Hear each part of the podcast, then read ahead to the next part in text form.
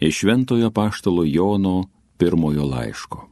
Mylimieji, kas buvo nuo pradžios, ką girdėjome ir savo akimis regėjome, ką patyrėme ir mūsų rankos lietė, tai rašome apie gyvenimo žodį.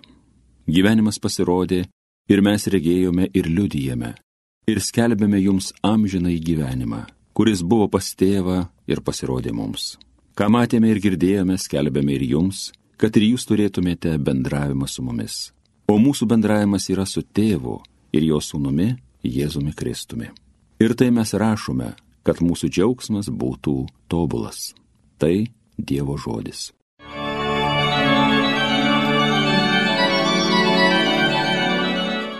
Teisingieji, džiaukitės viešpaties prieglopstį.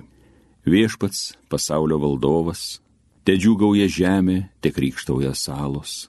Jį juosia debesys tamsus, teisė, teisybė grįstas jo sostas.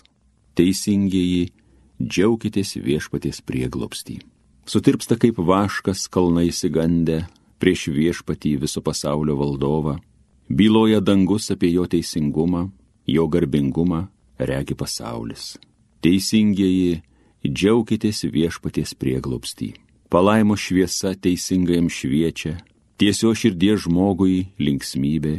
Teisingieji, džiaukitės viešpaties prieglopstį, jo šventąjį vardą minėkit. Teisingieji, džiaukitės viešpaties prieglopstį. Alleluja.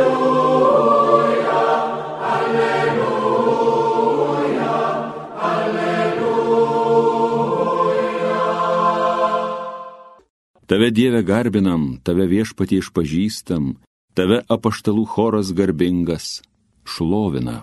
Alleluja, alleluja, alleluja. Iš Šventojios Evangelijos pagal Joną. Pirmąją savaitės dieną Marija Magdalietė nubėgo pas Simoną Petrą ir kitą mokinį, kurį Jėzus mylėjo ir pranešė jiems. Paėmė viešpatį iš kapo ir mes nežinome, kur jį padėjo. Petras ir tas kitas mokinys nuskubėjo prie kapo. Bėgo abu kartu, bet tasai kitas mokinys pralenkė Petrą ir pirmas pasiekė kapo rūsį. Pasilenkęs jis mato numestas drobulės, tačiau į vidų neėjo. Netrukus iš paskos atbėgo ir Simonas Petras, jis įėjo į rūsį ir mato numestas drobulės ir skarą. Buvusi ant Jėzaus galvos, ne su drobulėmis numesta, bet suviniota atskirai. Tuomet įėjo ir kitas mokinys, kuris pirmas buvo atbėgęs prie kapo. Jis pamatė ir įtikėjo.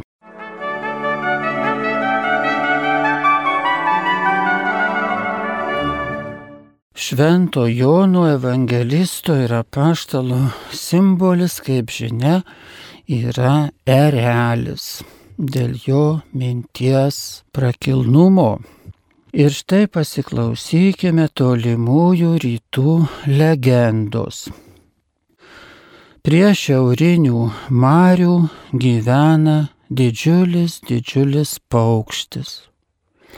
Kai jis pakyla skrydžiui, iškyla labai aukštai, virš debesų ir skrenda daug tūkstančių mylių, kol pasiekiant pietines jūras kai cikada ir višta mato jį skrendant taip aukštai ir taip toli, juokiasi iš jo, sakydamos, kokia prasme taip aukštai pakilti ir taip toli skristi. Štai mes sukinėjomės po kiemą ir mums to pakanka. Žinoma, kad šis pasakojimas lygiai galėtų būti ir bet kurios tautos savastis arba tokių ir esama panašių pasakojimų, kurie turi aiškę potekstę. Bet ir mes savo gyvenime galime sakyti, o štai jeigu mes palipame kur nors ant stogo, nu, sakykime, bažnyčios, ir jeigu neturime įgūdžių, mums baugu, kad nenukristum. Bet žiūrėkime, kai skrendame lėktuvu, ta baimė kažkur daugumai žmonių dinksta ir ją pakeičia žavesys. Ypač jeigu mes skrendame naktį virš didelių miestų, kur tokia gausybė žiburių, taip romantiškai gražiai atrodo didmiestis po mūsų lėktuvo sparnais. Arba skrendame virš snieguotų kalnų, leidžiamės kur nors, kur netoliese miestas, mūsų uostas, į kurį skrendame, prie nuostabiai apsnigtų kalnų, negalima atitraukti žvilgsnio to žavesio. Ir štai Jonas. Jono Evangelija. Ji kitokia negu tos trys, toks papildymas evangelinio, sakytume, nu, mąstymo, evangelijos, e, trijų evangelijų papildymas visai kitoks. Ir Jono simbolis, tas erelis, kuris pakyla, atrodo taip aukštai ir iš tos aukštumos žvelgia į į visą pasaulį ir ką Dievas veikia pasaulyje ir mato viską tokiu realio žvilgsniu ir kviečia mus turbūt visi Jono Evangelijos skyriai ir mus į tą pakilti, į tą aukštumą, pažvelgti Jono žvilgsniu, o gal Dievo žvilgsniu į pasaulį, į gyvenimą, į save pačius.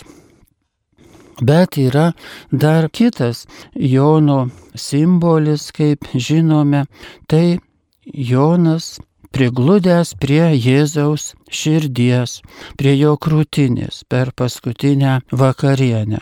Kaip Petras sakė, paklausk, nes tu ten arti Jėzaus sėdi. Ir tas irgi Jono apaštalų ir evangelistų vaizdavimas yra toks ir, ir dažnas, ir nu, brangus, prasmingas, priglusti prie Jėzaus širdies. Ir čia tikrai gali ir sentimentas, bet ne, tikrai ne tik tai sentimentas. Čia kažkas daug daug daugiau ir reiktų paties Jonų paklausti, ką jis jauti. Bet galėtume šiandieną spėti pagal jo Evangeliją, kad kai jis prigludo prie Jėzaus širdies, jis ten išgirdo Dievo begalybę. Toje širdyje jam atsivėrė begalybė. Ir va toks, toks dviejopas turtas. Artumas su Jėzumi ir ta Dievo Jėzaus dievystės begalybė. Toks derinys, kuris turbūt pripildė, galim sakyti, Jono asmenybę. Nu štai ir mes. Mes esame taip pat kiekvienas pakviesti tam artumui su Dievu, priglūsti prie Dievo širdies. Ir tai ne visada taip mums paprasta, ne visada taip lengva, nes vis mums atsiranda kliūčių, kurias mes patys sukūrėme, kad nu, nebūtume taip betarpiškai arti, visiškai prie jo, prie jo širdies. Bet kai priglundame ir ir ateiname ir panyrame ir atrodo į patį Jėzų ir klausomės jo širdies, tuomet leiskime savo išgirsti Dievo begalybę. Nesustabdykime savęs prie kokių tai savo sugalvotų ribų. Nesustabdykime, nesumenkinkime tos Jėzaus širdies Bet bandykime kaip šventas Jonas, sakydami, Jonas pajuto begalybę priglūdęs prie Jėzaus krūtinės. Dievo begalybė. Nu kartu ir žmogaus turbūt. Ir žmogaus begalybė. Nes toji begalybė ataidėjo jo sieloje. Ir jis va tą Evangeliją tokia kaip erelio skrydžio parašė. Nes gyveno tame skrydyje. Parašė taip, nes taip gyveno. O gyveno, nes jam atsivėrė gyvenimo begalybė. Tegul ir mums Jėzaus artuma pažadina tą Dievo begalybės troškimą.